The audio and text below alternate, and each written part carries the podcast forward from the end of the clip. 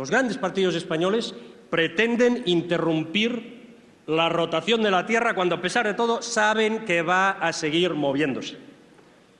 No pueden acordar el fin de la historia. No pueden decretar aquí ni que el viento deje de soplar, que las mareas se interrumpan o que los planetas dejen de girar. En fin, lo pueden hacer. De hecho, es lo que decretarán, pero no les va a servir de nada. Como sucedió con la Inquisición cuando le dijeron a Galileo Galilei que abjurara y que dijera que los planetas no se movían y que no había rotación ni alrededor del Sol ni sobre su eje. Y Galileo, Galilei, Galileo Galilei salió de la sala diciendo, bueno, pues si eso les hace felices, pues les digo lo que ustedes quieren. Epur se mueve, a pesar de todo, se mueve y se moverá.